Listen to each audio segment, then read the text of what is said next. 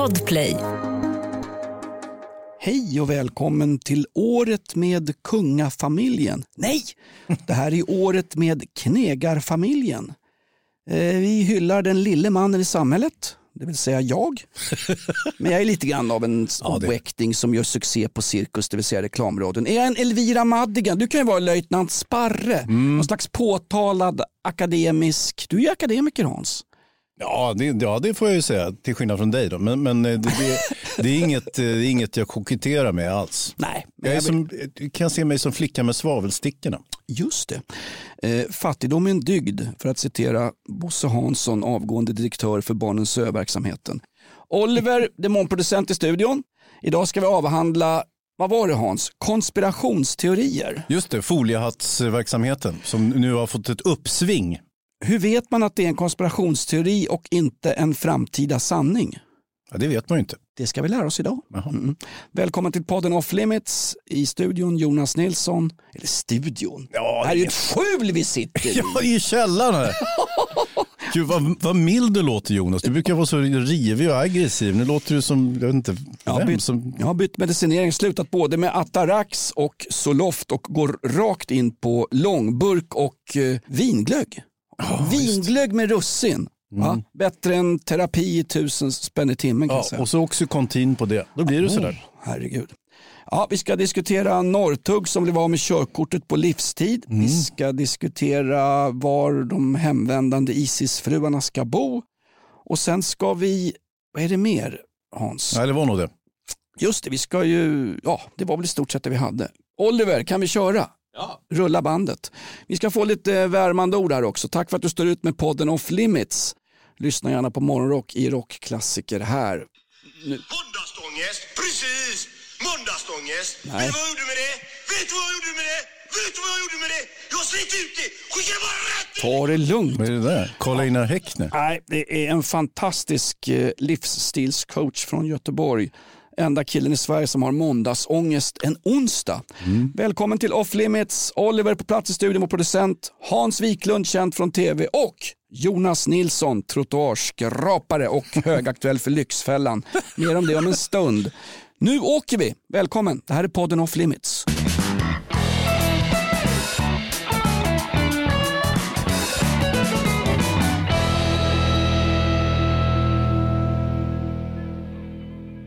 Oliver, men du ska inte hånflina uppifrån Parnassen till vanligt hyggligt folk. Här sitter jag och min trätobroder i kolmilan, en vår tids Dan Andersson, skald och...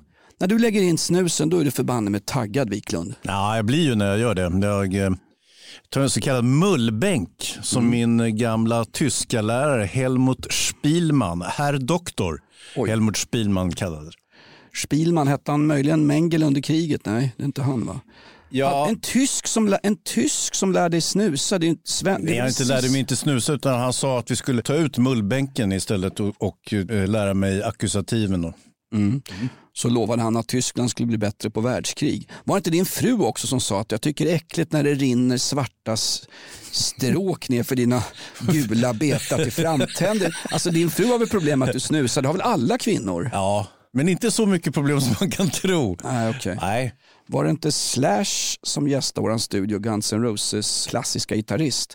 Han dök upp i rockklassikerstudion en morgon och, ja en morgon, det var ju största vadå besök- dök upp? Ja, precis. Nej, det var det största besöket på det året och det är fortfarande den största vi haft i studion efter både Edvard Blom, GW Persson och Bruce Dickinson från Maiden. Hans management sa ah, ni får en halvtimme sen ska vi till Skavlan och spela in var någon dryg Banan från ett numera nedlagt skivbolag. Slash satt i en timme önska låtar och det visade sig han snusar ju Slash. Han köper svenskt snus både på nätet och i någon specialbutik i Los Angeles. Du som har varit i Los Angeles, så, ja, det var väl där nästan en gång i månaden tidigare Hans. Ja, det var det. Hur, mycket, hur vanligt är det att jänkare snusar? Väldigt ovanligt. Är det så? Ja. Man hade ju på det, alltså, de har, tuggtobak är ju en sorts industri där, men det är ju företrädesvis eh, vad heter de, baseballspelare som, som använder tuggtobak. Och det är ett, he- det är ett helt annat bruk. Så att. Tuggtobak och doping. Det är väl baseball som är den, baseball amerikansk fotboll.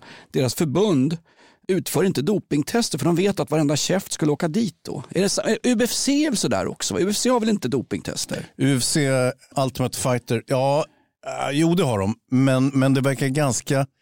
Folk åker ju dit för dopning inom organisationen UFC, men det verkar lite godtyckligt vilka som åker dit. Ofta är det sådana som har på något vis gjort sig omöjliga inom organisationen. Som av en händelse, du tjafsar med ledningen och några dagar efteråt så hittar de Nandrolon i ditt piss i något glas någonstans på någon mindre nogräknad krog där salonludren springer ut och in i allmän oordning. Ja, det här kan ju vara lite fördomsfullt från, från mig. Det är, det är möjligt att de har bättre koll än så, men, men det känns ju som att jag skulle inte gå in i en sån här bur odopad, det kan jag säga, för då blir jag ju ihjälslagen. Ja, kan kännas lite fördomsfullt.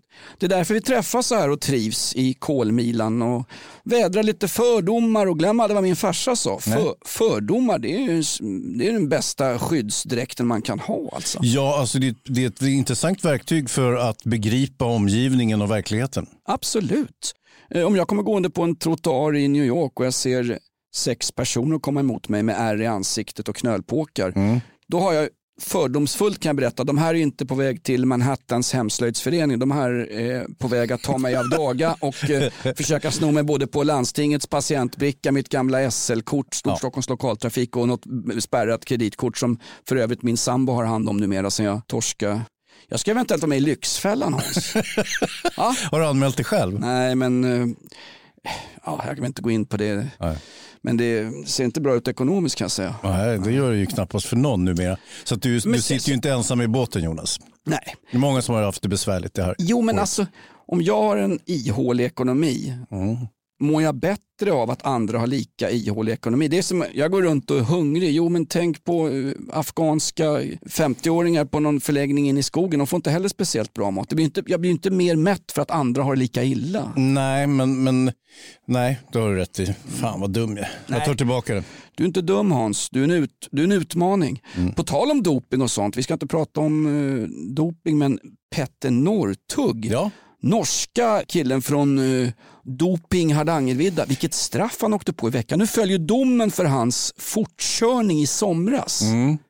Det var en lockdown vad det gäller uh, körkort. Ja, dels så fick han sju månaders fängelse och det fick han ju för fortkörningen. Han körde ju 186 km i timmen på en 110-väg.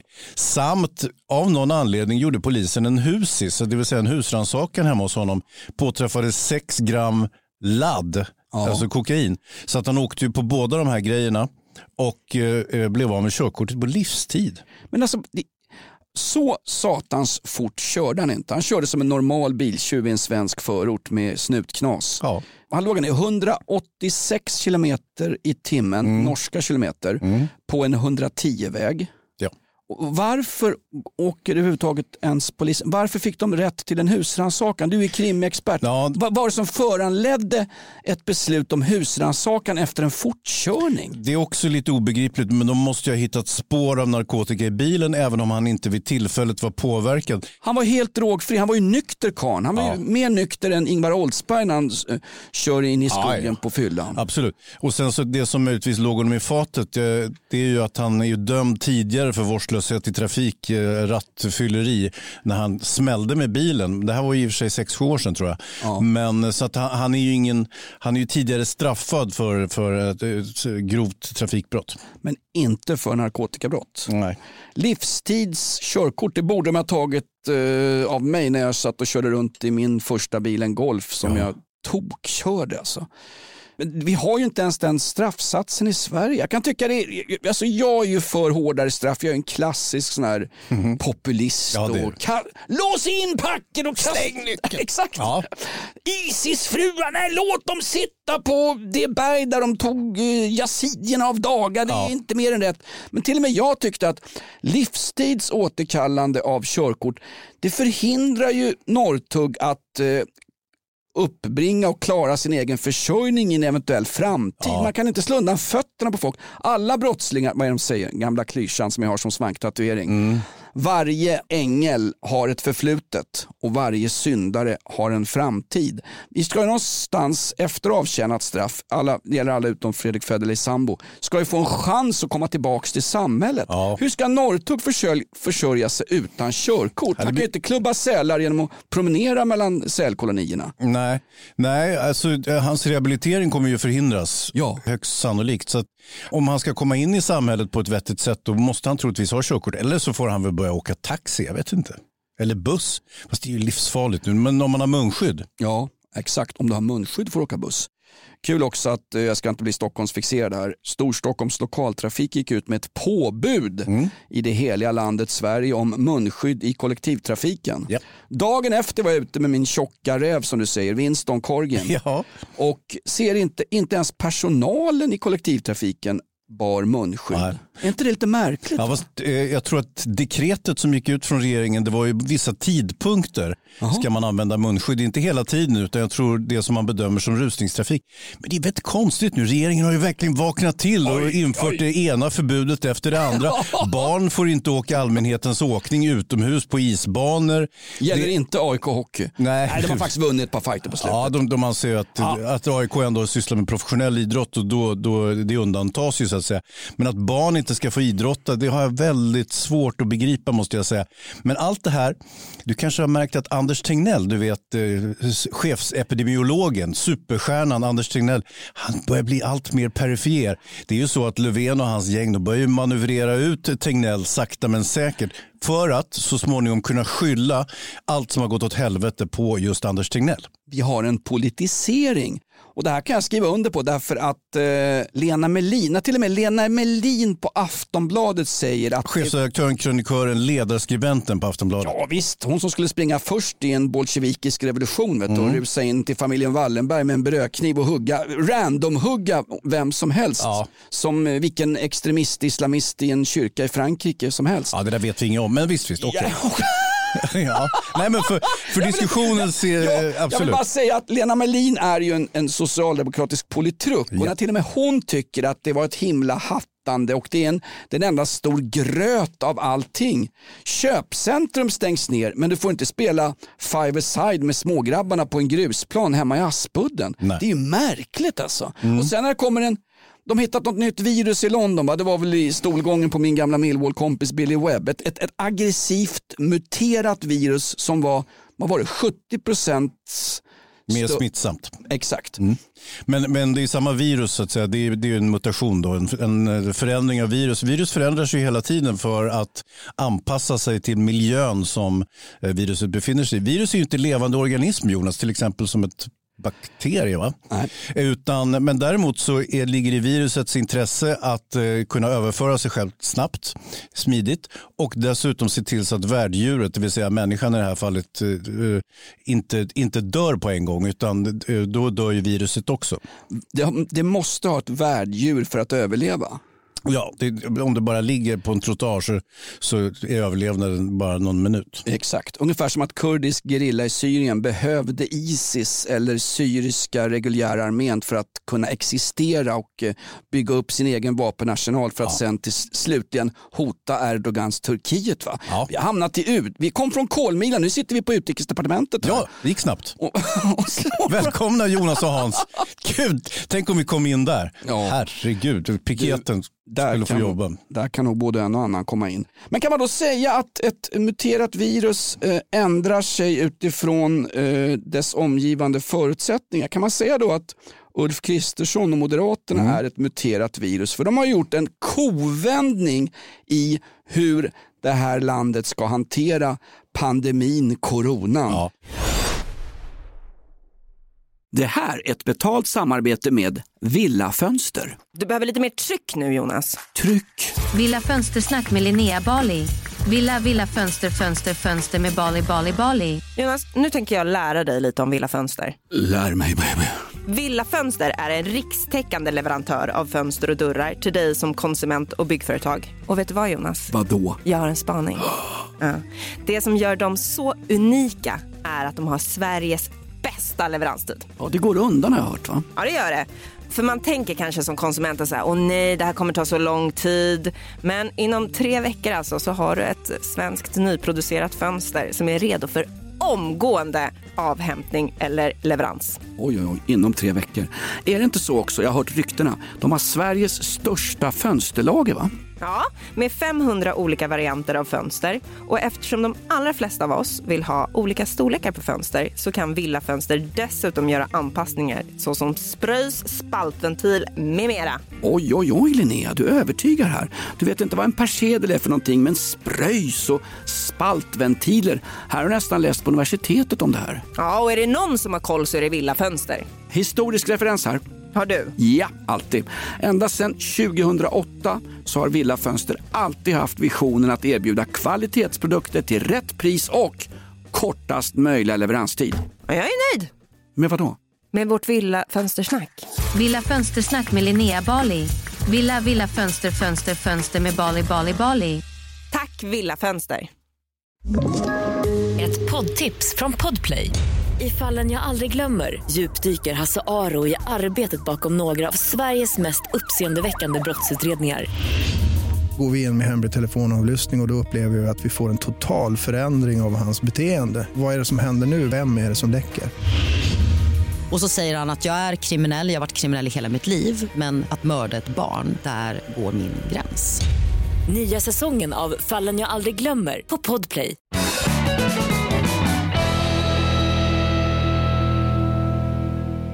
Hörde ni när jag sa, när jag kallade coronaviruset och covid-19 för kinespesten? Ja.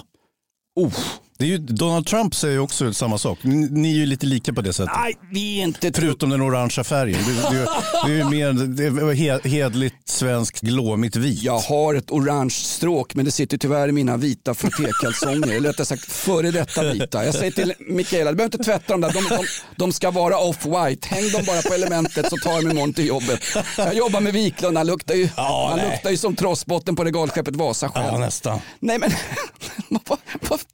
är jag Donald Trump nu också? Jo, men du- Är det någon som kan erkänna sig besegrad så är det väl jag. Jag har aldrig vunnit någonting. Tredje placering i Lyckoslantens korsordstävling som toppnotering. Ja, men jag vann ju faktiskt långsamcykeltävlingen i, i kvarteret när jag var 7-8 år. Ja, det är sånt där man aldrig glömmer. Nej, jag kommer inte glömma för det var första och enda gången jag faktiskt vann någonting och då var jag oerhört lycklig. Men det var ju mest för att de andra barnen var ju 3-4 års åldern. De fattade ju inte hur man skulle cykla långsamt så de har ju på som galningar. Jag var på, jag kunde defilera i mål på sista platsen och, och ja, men jag tror jag fick något pris också, kanske en medalj eller liknande. Jag har varit väldigt glad i alla fall. Att kunna cykla långsammast, det är ju sånt som den svenska OS-truppen i skidor håller på med. Att Mm. Kunna kämpa och träna och ha rätt kost ett helt år och sen bara råka ut för några riktiga dövblinda som står och vallar skiten åt dem och kunna skylla på dem efteråt. Ja, kan man göra. Skidlandslaget, de har ju, Löfvens regering ska nu skylla på Tegnell och FHM för alla felbeslut. Ja. På samma sätt, svenska skidlandslaget och hela OS-truppen, skyll på Valla-gänget. Några anonyma killar och tjejer och transpersoner i någon sån där containerliknande plåtlåda. De står med blåslampor och valla och vaselin och trycker på allt vad de har. Det är de som gör att vi aldrig vinner medaljer i varken VM, EM eller OS i skidor. Tydligen, men, men som sagt det är ett väldigt pjoskande med de här skidlöparna. Alltså nu, nu svär man väl i kyrkan då för att det är väldigt många som tycker det är intressant med skidåkning det, eftersom det sänds på tv på längden och tvären åtminstone i eh, statstelevisionen. Men, det är det ju är märkligt- jävla gnällspikar hörru, särskilt kvinnorna. ah, men herregud, de gnäller på varann, de gnäller på förkylningar, de får corona, det är någon ledare som blir sjuk så skyller de på dem och så skyller de på vallan. Ja. Och det är allas fel utom deras fel. Precis som en ansvarig myndighet någonstans inom coronan. Ja, vi har satt upp en, eh, en taktik för att bekämpa coronan eh, här i Sverige. Men tyvärr, mm, vårt eh, äldreboendesystem var inte utvecklat åt det här hållet. Utan där är det att man bor ensam hemma och så kommer det då hemtjänstpersonal som är timanställd. Det kan vara upp till 15 till 20 personer på en månad som springer in och ut och har ett munskydd i bakfickan. Det tror satan det att taktiken inte fungerade när vi har ett äldreboendesystem utan riktiga äldreboenden. De flesta gamla som har drabbats bodde ju från början hemma. Mm. Va? De levde ju palliativt för guds skull om man ska raljera och hårdra det här. Ja. Och samma sak med hela sjukvården. Hela idén med, eh, smittskydds, äh, med, med smittbekämpningen har ju varit att vi måste spara sjukvården. Ja men det är ju det de har gjort i år ut och år in och demonterat ner skiten. Det är ju därför vi har hamnat i den här rävsaxen. Om man har haft en fungerande sjukvård så kunde väl folk få kosta på sig att bli sjuka istället. Vi har ju pissat på våra äldre på ren svenska. Alltså, och så säger de nu... Jag blir så ja, irriterad så nu släpper vi det här snart. gamla regeringar också. Jo, men en avgående regering har ju någon slags, eh, har ändå fått ansvarsfrihet. Jag kommer ihåg när jag satt i styrelsen för en gammal korpfotbollsklubb och råkade få med mig 2000 spänn i vår klubbkassa. Sen när styrelsen satt och beslutade om det där, vad ska vi göra med Jonas Nilsson? Ja. Nej, det är ansvarsfrihet. Efter årsmötet är det ansvarsfrihet på något sätt. Va? Eh, jo, jag sa ju kinespesten om corona. Satan vad jag fick påskrivet. Det var både den ena och andra som skrev att det var osmakligt och på gränsen till någon slags eh, ja, det kändes som att Hans Wiklund åkte runt med en eh, safari, eh, en tropikhjälm i Asien. Det var sådär kolonialt vidigt att säga kinespesten. Men jag måste försvara mig själv. Ingen annan gör det nämligen här på galgbacken där Ja, mördar-Anders ska hängas, det vill säga jag. Vi säger ju engelska sjukan, Hongkong-influensan, spanska sjukan. Vad är det för fel på att kalla det här för kinesiska sjukan då? då? Ja, sjuka, men du sa ju kinespesten. Sa jag? Ja. Måste Ja, jag komma pest ihåg är ju nedsättande. Är det? Ja, Är pest nedsättande? ja. Varför då? Dessutom är den utrotad. Tror du ja. Mm. Åk ner till tredje, tredje världen får du se. Åker ner till tredje världen. Den kommer hit så vi behöver inte bekymra oss om den biten. Den är inte okej Hans. Hör du tidigare i veckan också, fantastiskt fint. Jag satt och blev royalist där jag satt och baddade liggsår hemma i tv-soffan. Ja. Året med kungafamiljen. Snacka om bra tv. Riktigt bättre än Ernst Kirchsteigers hemgjorda lavajustakar och till och med bättre än samtliga avsnitt av Mello. Mm. Såg du det? Ja visst, jag tyckte det var fantastiskt underhållande också. Så intressant med kungen. Han blir intervjuad, han, ser, han, han har ett blandat uttryck i ansiktet som förvånad, sorgsen, förvirrad. Det är väl en stroke? Nej, nej han verkar vara hälsan själv tycker jag. Så att, eh, men, men det är mer det hans allmänna... Jag, jag eh, Han pratar... satt ju och skojade. Han sa, vad har du gjort under din självvalda karantän på Stenhammars slott? Mm. Ja. Jag har gått runt och städat och sen skrattade han. Jo, men jag tror inte han förstår konceptet städa. Det är mycket så. Nej, men det är faktiskt så. Och, och det här är inte jättekonstigt för de, har ju, de lever ju ett liv som vi andra är ganska långt ifrån. Så jag tror inte han riktigt förstår vad städa är. Han menade att vissa utrymmen där, där det låg saker och ting som inte användes och han har sorterat det där på något sätt. Men, men någon konventionell städning har det inte varit frågan om för, för Karl XVI Gustav. Men eh, ja, däremot så kom han ju med liksom ett politiskt utspel mer eller mindre. Som, det tog ju hus i helvete. Ja, men hur politiskt var det? Han fick en fråga om hur tycker du vi har skött pandemin? Mm. Och eh, reporten sa, jag vill poängtera att vi inte säger kinespesten för det är nedsättande mot Ja. den kinesiska regimen. och, och pesten. Och pesten. Vad sa han då? Nej, men han sa ju som så att det här var ett gigantiskt misslyckande. Eh, Han sa inte gigantiskt, han sa att det var ett misslyckande. Och då antar jag att han avser hur vi har skött eh, pandemin och antalet döda och smittade och så vidare. eh, Som, ju är- mycket högre än jämförbara länder och sådär. Så att, Men kan inte ens en, en icke folkvald kung få säga exakt det han känner? Jo. Är det så mycket locket på i den här cyklopstaten Sverige som Knausgård pratar om? Man får ha en åsikt, Mm. har en annan åsikt så riskerar du att bli kallad både det ena och det andra. Som du nyss kallade mig för Trump. Ja, För att jag är lite orange till kallingarna. Men det är den här bilden att de hänger på elementet hemma. Ja, jag, jag släpper den. Men alltså, nej, det, konsekvensen blev ju dock av kungens utspel, eller svaret på frågan mer eller mindre, var ju att det fick ett en väldigt genomslag i utländska media. De, de stora, eh, New York Times och så vidare, hade, hade, drog ju på med det här. Liksom. Och då var ju Löfven och gänget ganska ängsliga. Just det. BBC, The Guardian, The Independent, Financial Times, New York Post, jag tror CNN också hade ett inslag om att den svenska kungen sågar myndigheternas handhavande av the Chinese plague. De säger, Nej, inte Chinese Plague och inte myndigheterna utan regeringen. För att ansvaret var- ligger faktiskt på regeringen, inte på myndigheterna. Ja, De exakt. har ju ansvarsfrihet. Ja, exakt. Precis som du hade när du satt i styrelsen Näm- för korplaget. Ja, exakt. Nämn inte korp jag klarar mig fint där. Vet du. Va? Gifta bort. Två lax, investerar du dem? Ja, jag tror jag sprang på Solvalla samma kväll. Ja. Vet du. Herregud vad stålar man spelar bort där. Nej men det där året med kungafamiljen, eh, det han sa, han får ju inte, sen när, när media hoppar på honom, Ja. Å- Åsa Linderborg, för detta kulturchef på Aftonbladet. Ja, det är mycket hackande på Aftonbladet nu. Nej, men jag säger bara, Ja, ja, fortsätt. hon bad uttryckligen kungen i en intervju med Åsa Linderborg i Sveriges Radio, hon bad kungen ska bara hålla käften, säger hon. Mm. Alltså någonstans, då går man verkligen regimens ärenden. Han har väl rätt till sin yttrandefrihet som alla andra medborgare. Som till exempel du och jag, eh, Lolek och Bolek som sitter här i, misstroendevotumet off limits varje vecka. Ja, nästan. Han är ju dock eh, förhindrad enligt grundlag att uttala politiska åsikter eller sånt som kan tolkas. Ja, men alltså, det vill säga, vem bedömer ifall det är en politisk åsikt? Är det Åsa Linderborg som gör det så vill jag gärna kontakta UD för en biljett. Kan kan jag hänga på eh, Sjöstedt i Vietnam? hörru? För det verkar mer liberalt åsiktsmässigt än Sverige i sådana Ja, fall. ja. Hon kan väl inte be kungen hålla käften? Nej, otrevligt sagt till att börja med. Ja, exakt. Du blir ju jättekränkt när jag ber dig hålla käften. Ja, men alltså, vet du vad? Hans, jag bör hålla käften Ja. mer och mer gånger. Det säger min terapeut Peter Brolin har sagt det. Jonas, pröva en grej. Var bara tyst. Nej, nej. Var bara tyst. Ja. Jo, men han, ja, Wiklund, be mig Nej men prova, var, jag har ju svårt för det. Ja, det var ju det. Jag kan ju inte det faktiskt. Nej, men det, det är bra för poddverksamhet. Det är bra att du pratar. Det vore tråkigt om du satt tysta bara. Nej, jag tror det vore bättre. Ska vi prova? Tyst minut för Olof Palme.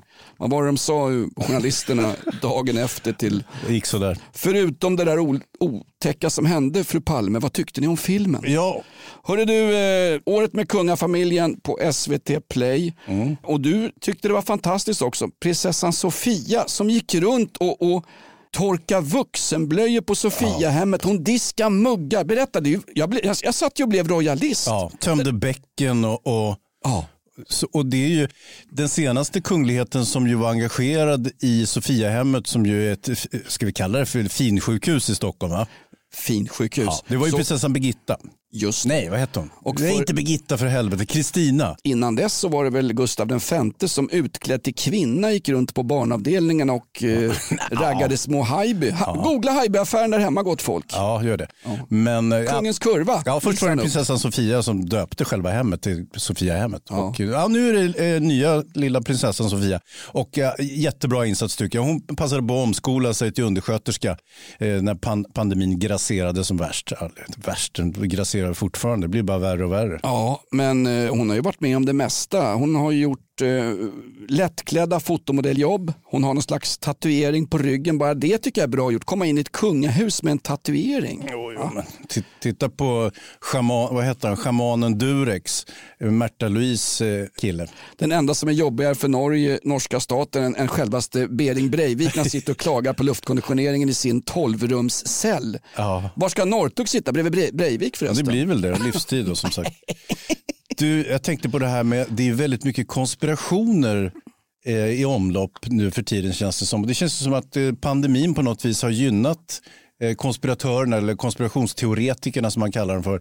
Eh, du vet i sådana här onda tider med bilbränder och Stefan Löfven och Lotta Engberg och Soldoktorn och elände. Man, man söker liksom förklaringar till tillvarons oförklarligheter, eller hur? Inte ett ont ord om Lotta Engberg. Det enda farsan vill se på tv nu det är uppesittarkväll med Lotta Engberg. De har höjt Bingolotterna till det dubbla priset men farsan sa 88 år gammal, nej det där skiter jag i. Vadå pappa, det är väl jättedyrt? "Ja, Men det är ju din syster, det är Marie som köper Bingolottor. Ja. Han har fått 10 lotter nu för 100 spänn farsan. Ja. Inte ett ord inte ett ont ord om Lotta Engberg. Hon har gjort mer för de gamla i det här landet med sina uppesittarkvällar än, än någon Tegnell, än något munskydd, än någon frivillig på Sofiahemmet. Ja, Okej, låt det vara på det sättet. Då. Men, men säg att det här påslaget, den här hundraprocentiga ökningen av Bingolotterna in, ingår i den här judiska världskonspirationen, att, att ta död på mänskligheten.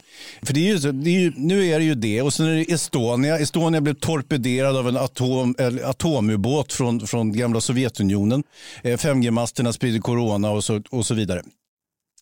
Jag vet inte om du såg den här serien Vaccinkrigare på Sveriges Television. Omtalad. Är det inte där man går ner i, eh, man går ner i lönn och så låtsas man vara Ja, vaccinmotståndare. men skit i det. Resultatet blir ju fascinerande. Okej, det var inte helt etiskt, eh, eh, alltså det men det kan ju- journalistiska värvet. Det men... kan ju inte grävande journalistik vara. Fråga Günther Wallraff, du Nej. måste klä ut dig för att avslöja buset. Ja, precis. Günther Wallraff klädde ut sig till turk och gästarbetade. Ja. Hur man nu ut sig till turk, det är jättesvårt. Han lät sin vanliga mustasch växa ett stycke till. Ja. Otroligt fascinerande dokumentärserie i alla fall, den här vaccinkrigaren. Alltså, de här vaccinmotståndarna är en sorts blandning av nazister och miljövänner. Alltså, det är, och den gemensamma faktorn det är att man tror att det finns en judisk elit som försöker ta över världen. Och då har men vem- vem- alltså- strategi, nej jag kommer inte vänta Jonas, låt mig prata nu. Och strategin det är att förgifta människor medelst vaccin. Va? Vaccin mot mässling, påssjuka, röda hund och så vidare. Och nu kanske också de nya vaccinen, till exempel det här mot covid då, som man håller på med. Eh, man är inte jättebra på fötter för de här, de här vaccinteorierna. Däremot så är det ofrånkomligen så att det blir flera hundra fall av narkolepsi bland barn och unga efter svininfluensavaccineringen senast, eller hur? Just det, och det är samma myndighet som nu ansvarar för coronavaccinet från Pfizer och från Moderna också som EU kommer godkänna as we speak. Till och med samma person, Anders Tegnell. Är det, det är så? Ja, visst förstår du. Ah, det- här svininfluensavaccinet, det, det, är, det är bra Är det epidemiologernas George Soros? Ja, jag vet inte vad vi ska kalla dem. Vi får väl se när Socialdemokraterna hänger ut Anders Tegnell på tork vad det lider, för det kommer de att göra. Eh, Det kan, det kan du ta mina ord för. Hänga ut honom på turk som Günther Wallraff? Ja, den stora teorin bland vaccinmotståndarna det är ju dock att barn utvecklar Aspergers syndrom och olika diagnoser i, i autismspektrat spektrat efter mässlingvaccinet.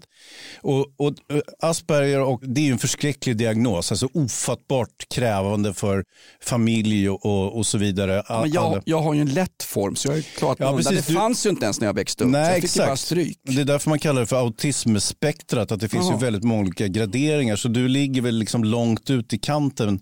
Alltså, du, du har inte... Det är ju ingen neuropsykiatrisk funktionsnedsättning hos dig i vanlig mening, utan du är, är ju bara lite special, som man säger. Ja, men definiera special då. För att jag, Special. alltså den som har jobbigast med vad jag nu har för någonting. Var Det är ju vi om, omkring. Ja, det är som min övervikt. Alltså, är det inte jobbigt att vara mullig Jonas? Jag har inget problem. Jag tycker det är gott att sitta med halsbränna och trycka i sig ischoklad och grisfötter på julaftonskväll. Det är ni som tycker att jag ser konstig ut när jag går runt i badbrallor på Aspuddens badhus. Ja, ja men jag, jag har inget problem med det. Du, du är riskgrupp, jag skit på det. Jag kan bli överkörd av en långtradare om 15 minuter, vem bryr sig? Ja. Jag går i kyrkan, jag ber och jag tror på vaccin. Ja, det är inte konstigt att dock eh, föräldrar och släkt till, eh, till personer med den här eh, diagnosen att de försöker hitta en förklaring, eller hur? Nej. För det kan ju inte vara så, okej, våra gener är så usla att det blev så här eller vi har gjort något elakt mot barnet så att det fick Asperger. Det är ju inte så, utan man försöker ju hitta någon form av yttre, yttre omständighet och det, och det begriper jag fullständigt. Absolut. Eller hur? Så, funk- så, så är vi gjorda av den mänskliga naturen ända sedan Robespierre undrade varför springer folk ut på gatorna? Jo, de är hungriga och vill Ja. slå ihjäl franska aristokrater. Jaha, det är en revolution. Ett plus ett ska alltid bli två. Vi söker ju sammanhang. Det är ju den mänskliga naturen här. Sen är det ju så att det finns ju då inga evidens för att det skulle finnas ett samband mellan vaccinering av mässling och eh, den här neuropsykiatriska funktionsnedsättningen. Alltså inga överhuvudtaget. Men lek med tanken. Och det, här är, det här är hypotetiskt, det här är tankeexperiment Jonas. Så det här, du får inte ta med allt för liksom bokstavligt här. Men tänk till exempel om Greta Thunbergs föräldrar, de har ju ett barn med Asperger syndrom, nämligen Greta Thunberg själv. Eller hur? Ja. Tänk om de tycker att det är mässlingvaccineringen som ligger bakom den här diagnosen som säkert har varit väldigt besvärlig för familjen och så vidare. Och att man nu då kanske tycker, anser att det här vaccinet mot corona det är nog minst lika farligt som mässlingvaccinet och det, gör ju, och det kanske släpper ut växthusgaser också. Tänk dig då att Greta Thunberg med sina miljoner följare börjar eh, driva hypotesen att eh, coronavaccinet är av ondo. Oj, då är vi illa ute va? oj. Det är på samma sätt som att eh, Cissi Wallin skulle Men inte den där Cissi Wallin, jag vet inte ens vem det är som du pratar om. Nej, Greta men- Thunberg känner jag till. Nej, men Cis- Cissi Wallin försöker få eh, i lagstadgad text via romaner att alla svenska män är benägna till våldtäkt. Ja, men det ligger ju något i det Men, Jonas. ja, på tal om ligger. Nej, men hon har ju också 300-400 000 följare. Mm. Det här är personer som inte har någon form av evidens. Nej. Ja, det har ju Greta Thunberg i och för sig. Hon har ju miljölobbyn bakom Ja, sig. men det har han ju och dessutom forskare. Men, men eh, däremot så skulle hon, om hon skulle hon byter vilja... åsikt om hon, ja, men om hon väljer spåret eh, vaccinmotstånd istället för eh, fossila bränslemotstånd. Okej, men då skulle hon förlora de följare hon har. De människor som kämpar Nej, nej, det- i- nej, det skulle under Greta Thunbergs fanor som korsriddar mot alla oss Ja. som fortfarande kör runt i bensinbilar. Ja. Alltså vita svenska medelålders knubbiga män som jag. Mm. Om hon skulle byta åsikt då skulle kanske följarna, du menar att de är som lärjungar, de oblint följer henne? Ja, som, det tror jag. som ett kalifat i Syrien? Lite grann. Alltså, jag ska inte hårdra. Och, och som sagt, men, men tänk om, om det är så att, att familjen Thunberg, eller vad de heter för någonting, att, att de känner att det här med vaccin, det är ingen bra grej. Ska vi inte ta, det är inte bra för miljön heller. När man börjar inympa det här vaccinet så ökar växthusutsläppen och isbjörnarna svettas i sina pälsar och så vidare. Och ser ut som Donald Trump i skinnet under till. Ja, Eh, nej men det, det är en farlig tanke Hans. ja jag vet. Men det är ju det är, det är sådana despoter vi har i yttrandefriheten. Tänk om, tänk om kungen gick till frontalangrepp mot eh, en handlingsförlamad regering som har gjort sitt bästa under, Ja, till exempel säga att, att coronastrategin är misslyckad. just det. Och kungen är ju fortfarande väldigt folklig. Han överträffas väl bara i folklighet nästan av hans Av fru. Greta Thunberg. Ja, ja, verkligen. Greta Thunberg, kanske inte Anders Timell nu längre, men de som är folkligast i Sverige. Anders Timell, hur kom han in i det? Lotta Engberg, Ja. Greta Thunberg, Jonas Gardell. Ja. Det är de här som vi lyssnar på. Det är våra stora lobbyister. ja. Magnus Bettner också, på tal om Va? eh, bokstavssyndrom. Han har ju fått diagnostiserat ADHD. Han? Ja, men det är ju ganska vanligt. Det, man lustiga är till exempel att om man tittar på våra anstalter så verkar det som att 90% av alla intagna lider av ADHD eller olika sådana diagnoser. Men Jonas, det finns ju en förklaring till det. Men är det inte det man skyller på för att man har hamnat snett i livet och kanske hamnat på kåken? Inte enbart det, du får också gratis amfetamin förskrivet. Är det så det är? Ja, det fattar du väl? Nej, nej. Vet, jag, jag, jag är Så alla Sonny, Johnny och Ronny inne på kåket, de har inte ADHD Åh, nödvändigtvis. Men Glöm bara- inte Ali och Ahmed också. Jo, men, ja, de ja. en, Men i- en icke, vad heter det? jag vet inte vad det heter. Det heter heter inte kinespest, det heter något annat. En icke obetydlig del av det svenska kåkklientelet. 30% av folk på svenska kåkar är utländska medborgare. Ja, det är intressant. Var det inte Ebba Busch Thor innan hon började lura sommarstugor och pensionärer som ville hyra in oss på utländska fängelser? Mm. Och så tänkte man, vad pratar hon om? Vad pratar hon om? Ska vi låsa in folk på... Eh, Utlänningar utomlands? Nej, svenskar utomlands. Exakt, ska vi låsa in? Och det gör Norge tydligen. Norrmän har eh, fängelseplatser utomlands. Jaha.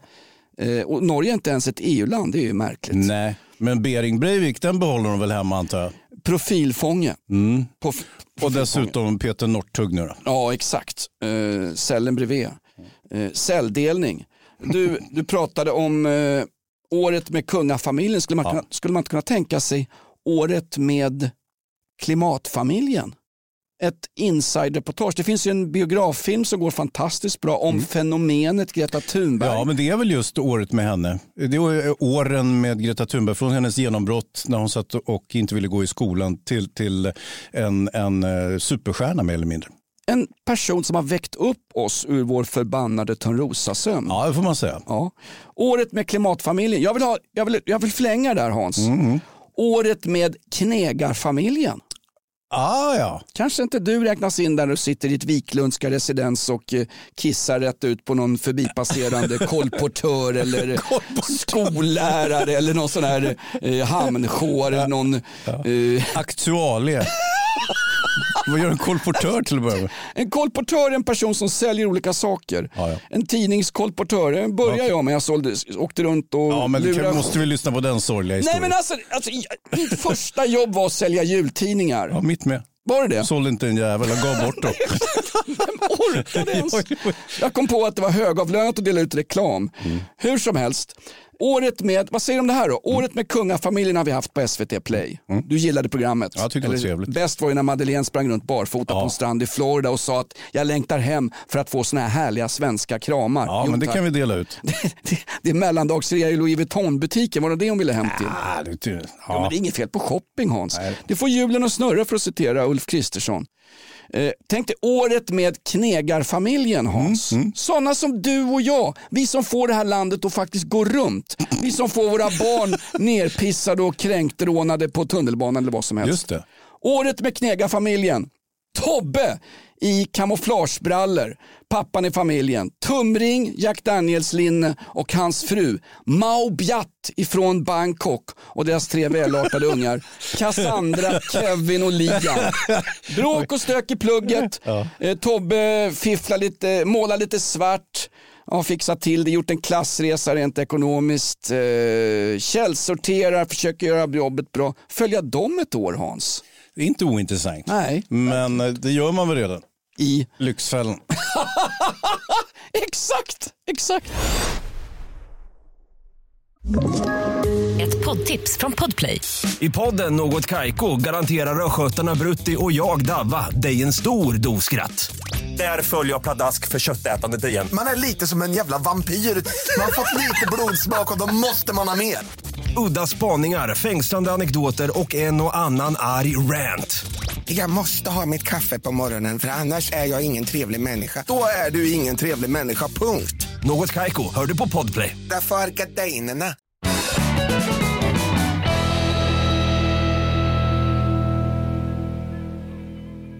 Det här skrovet i, på Estonia. Vilket av dem? Ja men det här hålet i hålet eller vad det är. Stora journalistpriset till Henrik Evertsson. Nu kommer det en bakräkning på Ja, det. nu Du ska se att samma backlash som regeringen kommer ha vad det gäller eh, pandemibekämpning kommer hamna i, i fatet på de som utsåg. Det var väl Johan Bonnier och gänget som sitter i, i ledningen för Stora journalistpriset. Hans avslöjande reportage, det visar sig att han har ju gjort både ena och andra tumavtrycket. Mm. Ja, jag, jag vet inte. Framförallt så är det väl så att en del erkända journalister som eh, Jan Guillou och eh, de, de tyngsta killarna, vad de nu heter. Bo-Göran Bodin på Sveriges Ja, Radio, precis. Hela- Jörgen Wittfeldt, de här tunga namnen. Josefsson, ja, hela högen. De- Lena Melin, Ja, Dan va? Josefsson, Dan Josefsson. Janne Precis. Josefsson. Ja, Janne. Och de gick ihop i en artikel och sa att det här journalistpriset det var ju katastrof och det här är ju bara massa ljug. Ja, Och, så det var ju en, en tydlig backlash. Jag tyckte serien var bra. Jag tyckte det var intressant och roligt. Stora journalistpriset, mm, nah. Det är fortfarande det bästa jag sett. Året med haverikommissionen, det är Mm. fantastiskt bra tv. Och alltså som tv-drama så är ju Estonia, vad heter den? Estonia, hålet i historien. Heter den det? Nej, hålet i, vad hette den? Jag vet inte ens vad den hette. Det borde veta. Estonia någonting. Estonia någonting. Mm. Eh, och sen hade det kommit ut också att han den här Henrik Evertsson, han har likat vissa saker på högerextrema sajt, sajter. Jaha. Men vad har det för betydelse om det är ett hål i båten som inte haverikommissionen har upptäckt? Ja, men- Vad Henrik Evertsson möjligen kan ha för politiska preferenser. Det ska väl egentligen inte spela någon roll. Liksom. Nej, men Här måste vi skilja på sak och person för att citera Aron Flam. Mm, precis. Traditionellt så eh, ger man väl inte ut journalist, Stora journalistpriset till högermänniskor. I synnerhet inte om de likar nazistsidor. Inte ens, om de, inte ens till borgerliga. Nej, nej, det tror jag inte. Eller? Gör man det? Jag orkar inte. Det är som att dela ut fredspriset till krigsherrar. Oj, det gör man ju. Ja. Det gör man ju. Va? Herregud, var det inte någon etiopisk eh, statsman som fick Nej, det var ju Tigray, alltså den här provinsen eller vad det är för någonting i Etiopien som ligger mellan Etiopien och Eritrea. där separatister nu bekämpar den etiopiska regimen och Sverige fortsätter upp, ja de har ju krossats nu, men Sverige har ju pumpat in ändå 200 miljoner varje år i ett, Ja. i ett krigförande land, det vill säga Etiopien. Ja, precis. Försök surra bort den på en fest i Kolmilan, Dan Andersson. Jo, exakt. Men, men Tigray alltså, som ju då bedriver krig, eller startade kriget direkt efter att han hade fått fredspriset mer eller mindre. Men Tigray är i alla fall en provins Hans. Ja, fast det är ju lite mer komplicerat än så. Vi ska inte gå in i det. Jag menar, vi- så utrikespolitiskt skolad är inte jag i alla fall. Nej, nej, vi får göra, vi får göra som Ann Vi Linde. får göra som vanligt. Blunda, brassa på, ta in fel löständer och så prata om att, eh, ja, prata om vad som helst. Hörru, vi börjar runda av här Hans. Jaha. Har du, ska du ha saftglögg? Uh, ja, kan ta, kan ta en kopp om det finns. Vi ska ju försöka nästa gång Hans. Mm. Eh, först ska vi förklara varför Jakob Ökvist slutade i podden Off Limits. Ja, varför slutar han för? Ja men där har du konspirationsteorier en masse. Ja. Det är fler konspirationsteorier där än vad det finns truppminer utanför Raqqa i Syrien kan jag säga. Vi ska gå in i det i vår årssammanfattning. Och vår uppgift var ju att till nästa vecka göra en sammanfattning av 2020. Just det, just det. Och klarar vi av det utan att gå in på corona? Ja, men hur ska det gå till? Men är det bara coronan det här året? Eh, ja. Är det så? Ja, men om vi kan hitta något annat så är jag, då är jag för. För att eh, det tycker jag vore intressant. Hade vi inte hemkommande Isis-fruar? Jo, jo, jo. jo. Hade vi inte Börje Salming med “Jag trodde aldrig att att jag kunde göra så stor skillnad”? Läggmatcher i fotbollsallsvenskan. Ja, ja, det finns. Det finns att ta av. Men jag tänker på eh, året med kungahuset. Kungafamiljen, förlåt. Som vi har ju hyllat i den här podden. Jag tycker det var bra. Det var jättebra. Men då fick ju eh, drottning Silvia frågan om drottningen skulle vilja sammanfatta eh, året eh, 2020 utan att tala om corona. Vad säger drottningen då? Och då mindes hon att de hade varit eh, uppe i Lappland. Ja, de hade besökt samer i alla fall som hade eh, spelat och sjungit folkmusik. Och det tyckte drottningen var alldeles fantastiskt. Dessutom fick de åka hundspann och samerna klagade över att det var för lite snö. Det var ju ett hundspann med hjul på. Ja, det var ju tvunget. Det var ju barmark där uppe. Fördelen för, för renarna, och jag vet inte om samerna tar någon hänsyn till det, men renarna kunde ju gnofsa i sig av växter och grejer på marken eftersom det inte var två meter snö som det brukar vara. Så att eh, klimat, och miljöhotet spelar ju samerna i händerna på det viset. Ja, verkligen. Och det var ju märkligt också. Det är väl enda gången i den svenska historien efter allt förtryck mot samer och urinvånare. Enda gången som livslevande samer i traditionella kolt koltar har fått besök ifrån kungliga huvudstaden och inte stått där och äskat pengar. Ja, fast det vet vi inget om. De kanske ville ha pengar av kungen. Det- Om jag träffar kungen, jag skulle be honom... vad, vad sa samernas hövding, vad heter han, Roger Pontare dök väl upp där som ser ut som en blandning mellan en bisonoxe och en papegoja. Stod och skrek och, och sjöng Vindarna vänder, ge oss Ja, pengar. han är inte en same, han har ju bara klätt ut sig väl. Tala om kulturell appropriering. Jo. Det är fast som att du och jag sitter här som någon slags Utklädda fotbollshuliganer utan att vara här. utklädda till utrikesexperter när vi blandar ihop Tigray med provins Etiopien med en statschef. Herregud. Ring Johan och Martin, Martin Schibbye och Johan Persson. Vilka Det, det? där har du också under året. De som satt 458 kåkar, eller 450 dagar. 58, Ja. 458 dagar på Ja. kåken i Etiopien. Mhm. Ja, detta land som faktiskt fängslar oskyldiga journalister men fortfarande uppbär ungefär 200 miljoner kronor av dina och mina pengar Hans. Ja. Året med knegarfamiljen Wiklund. Ja. Det var roligt att de här Schibbye och vad heter den andra? Johan Persson. Att de satt på samma kåk som den här bedragarkvinnan. ja, det är helt, osannolikt. Den svenska bedragerskan som, som stack till, till Etiopien med sin kille och sen åkte dit och hamnade på livstidsfängelse. Exakt, det är det mest opolitliga sen eh, prinsessan Kristinas man Tosse Magnusson bjöd in någon person från tredje land så snodde de på allt kyrksilver och allt Ja. stöldgods som, som familjen Magnusson hade roffat i ordning. Alltså den kvinnan var ju, hon är, hon är hemma nu Ja, ja. och släpper självklart en bok och sitter hos Malou von Sivers, släpper en riktig brakskit och berättar den här finns i pocket nu för 99 spänn. Att hon går, att hon går lös, hon ska väl få indraget körkort på livstid ungefär som Norrtugg. Ja, det borde hon faktiskt få. Men eh, hon är inte norska utan svenska. Ja, exakt. Just, just därför kanske. Stort tack till alla som lyssnar på oss. Stort tack till SFI och vi fick ett förslag på vad podden ska heta nu när vi byter namn. Ska vi byta namn? Ja! Jäkla hattande. Här kommer och vad tog Jakob Ökvist vägen? Han, Skoj, jag vet inte vem det är. han vandrade upp för Via Dolorosa och blev korsfäst efter ett kort handgemäng i korridoren när ni kom ihop er om gamla skulder Hans. Ja, just det. Det var det. Eh, glöm aldrig, vad hette han, Lingvinus, han som satte spjutet i sidan på Jesus.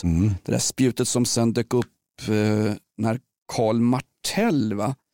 eh, slaget vid, eh, är det Poitiers 732, när Karl Martell besegrar morerna. Nu tycker du Joe Biden känns modernt, nu pratar vi om 700-tal Ja, alltså. men det är okej med. Vi tackar för den här veckan och hör oss gärna nästa vecka när vi har årssammanfattning. Åh jäklar, det kommer bli något va? Det kommer bli jättefint faktiskt. Eh, tack för att du lyssnar på podden Off Limits. Lyssna på oss gärna normalt sett när vi figurerar i rockklassikers morgonprogram Morgonrock. Ganska bra faktiskt. Ganska kul detalj här. Eh, Det finns både bu och bä, ris och fis och mutt eller prutt om vår konstellation i podden. Vi har nästan ökat lyssningen på den här podden med en tredjedel Hans. Mm. Sen jag började. Ja, Ja, faktiskt. det är ju fullt begripligt. Hans, Jag är ju mer av ett hushållsnamn än den här förra killen. Hans Wiklund-effekten. Ja. det är lite grann härskap och tjänstefolk. Mm. Du sitter och släpper blötmökar i en stor innerstadslägenhet och så har du mig, un homme de la rue? Mm. gatans man. Jag, jag, jag bär ju alla fel som mänskligheten någonsin har, ja, utom Tegnell vill jag poängtera. Mm. Ja.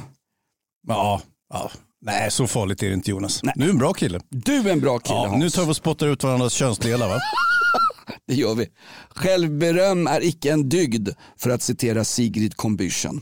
Ha nu en riktigt bra jul. Det här är Off Limits och hör oss nästa vecka när vi har en årssammanfattning. Stötta oss gärna på Flashback. Tråden är helt galen där och kommentera oss gärna på iTunes. Samt sprid podden till nära och kära. Myndigheterna, det vill säga George Soros, försöker tysta oss. Det är ingen konspirationsteori, det är dagsens sanning. Gör som Emil i Lönneberga, sätt dig i snickerboa, var olydig, var anti-auktoritär. Tack för den här veckan. Poddtips från Podplay. I podden Något Kaiko garanterar östgötarna Brutti och jag, Davva, dig en stor dos skratt. Där följer jag pladask för köttätandet igen. Man är lite som en jävla vampyr. Man har fått lite blodsmak och då måste man ha mer. Udda spaningar, fängslande anekdoter och en och annan arg rant. Jag måste ha mitt kaffe på morgonen för annars är jag ingen trevlig människa. Då är du ingen trevlig människa, punkt. Något kajko, hör du på podplay. Därför är gardinerna.